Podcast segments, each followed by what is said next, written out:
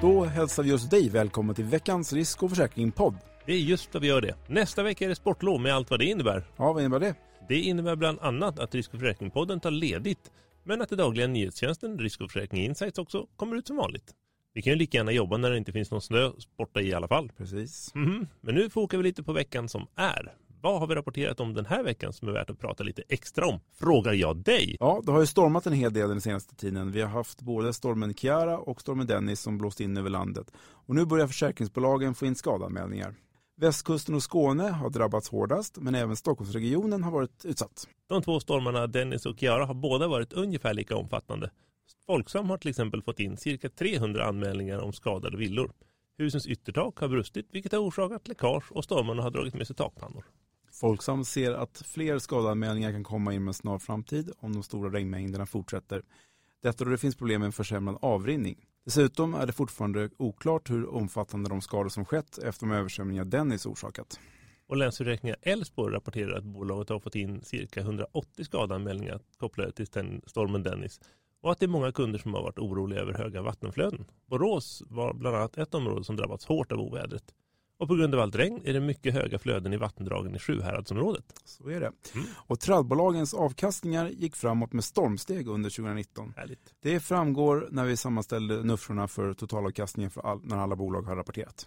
Och det var Alecta Optimal som gav bäst totalavkastning inom traditionell förvaltning under 2019, tätt följda av Nordea Tjänstepension.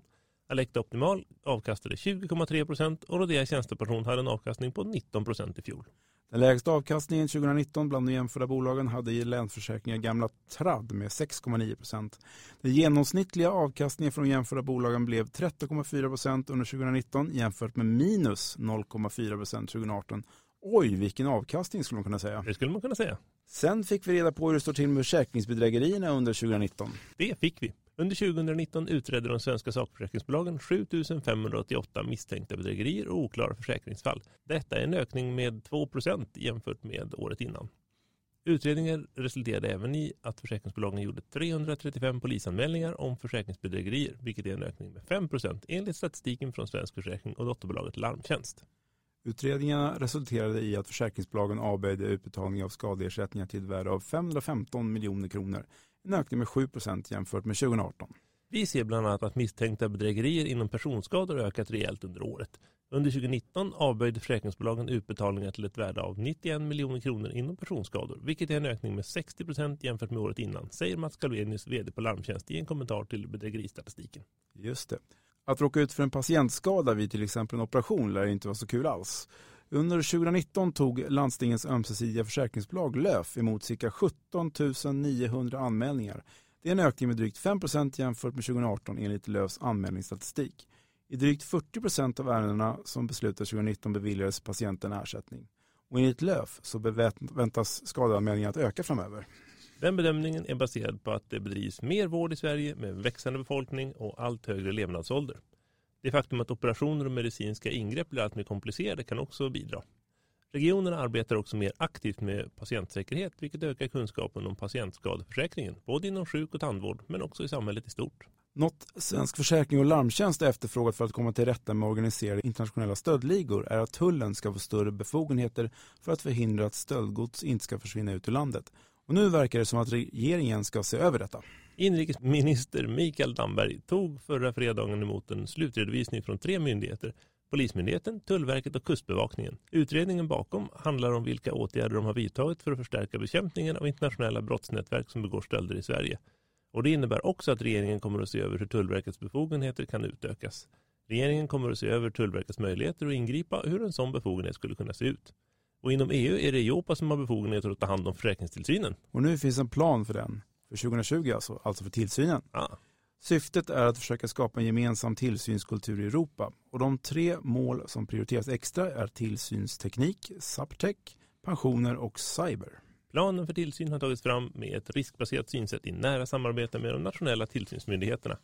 Och när det gäller tillsynen av personer kommer Europa bland annat att övervaka tillsynsrisker gällande JORP-regelverket som kan uppstå vid gränsöverskridande verksamhet. Och i Kina har man i den kinesiska provinsen Hainan lanserat en specialdesignad försäkringsprodukt som täcker för utvalda viktiga företags förluster på grund av coronaviruset.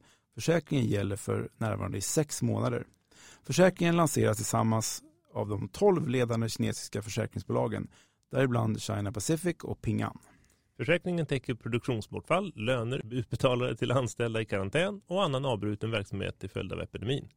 200 miljoner yuan, cirka 28,7 miljoner US-dollar, har reserverats för att kunna täcka skadeutbetalningarna.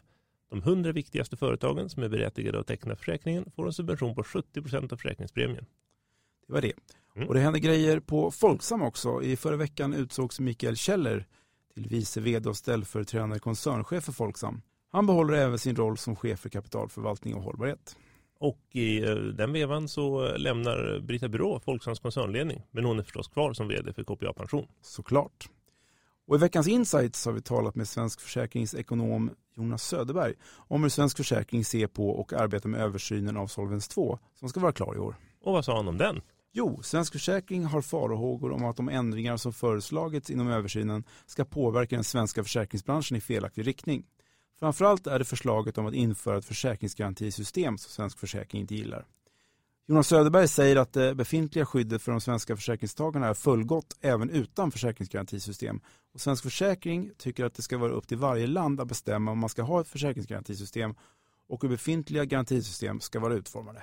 Ja, när försäkringsgarantisystem senast diskuterades inom EU för tio år sedan valde ju EU-kommissionen att inte gå vidare med ett lagförslag eftersom det då inte fanns något intresse bland EU-länderna. Frågan är hur det blir denna gång. Ja, det får vi en föraning om förhoppningsvis vid nästa årsskifte och sen ska det också debatteras i en EU-trilog. Vad skrivs det mer om i Insights?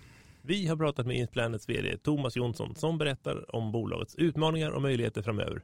Det som oroar mest är att det blir allt dyrare att skaffa nya kunder. På plussidan däremot ser han goda möjligheter att erbjuda fler tjänster tillsammans med ägarbolaget Smarta och att det kommer in fler nya försäkringsbolag på den svenska marknaden. Ja, det låter väl bra för dem. Mm. Sen har vi intervjuat reseförsäkringsföretaget Europeiska ERV om deras extremsportförsäkring. Det borde ju vara aktuellt för dig som har vet, inte vetat hålla dig i pist när du åker skidor eftersom du hävdar att du är världens bästa på skidor. Eh, ja, det stämmer bra. Eh, kanske inte skidåkningen då, men i övrigt. Eh, jag har pratat med ERV det är ju ett av de få bolag i Sverige som erbjuder försäkringar för just extremsporter, såsom off-piståkning, bergsklättring, eh, mountainbike med mera. Försäkringen kan man till exempel teckna för en vecka om man vill ge sig ut på äventyr i snön utan att behöva oroa sig för kostnaderna om man råkar få skidorna stulna eller om man ramlar och bryter benen. Ja, det kan vara bra. Inte bryta ben då, men annars. Ja, det känns tryggt. Men nu kan du få berätta om vad som händer i nästa vecka. Ja, redan på måndag kommer Svensk Försäkrings marknadsstatistik och det kommer vi såklart att rapportera om. På torsdag den 27 februari kommer också Kodan Trygg-Hansas koncernmoder, brittiska RSA, att berätta hur det gick i den skandinaviska skadeförsäkringsverksamheten under 2019. Nästa vecka blir det som sagt sportlovsledigt för podden, men förstås inte för våra nyhetstjänster eller insights som kommer ut som vanligt. För er som ska ut i backar och skidspår norrut i Sverige eller kanske söderut i Alperna där det finns snö får vi säga eh, härligt sportlov till er. Vi är inte bitter över det alls. Nej, inte det minsta. Bara åk ni och tänk inte på oss. Vår producent för podden är som alltid Julia Siverts och Risk och försäkringspodden hör ni igen efter sportlovet och då är det faktiskt hunnit bli mars månad. Japp, trevlig helg och eventuellt sportlov önskar Georg och Jonas.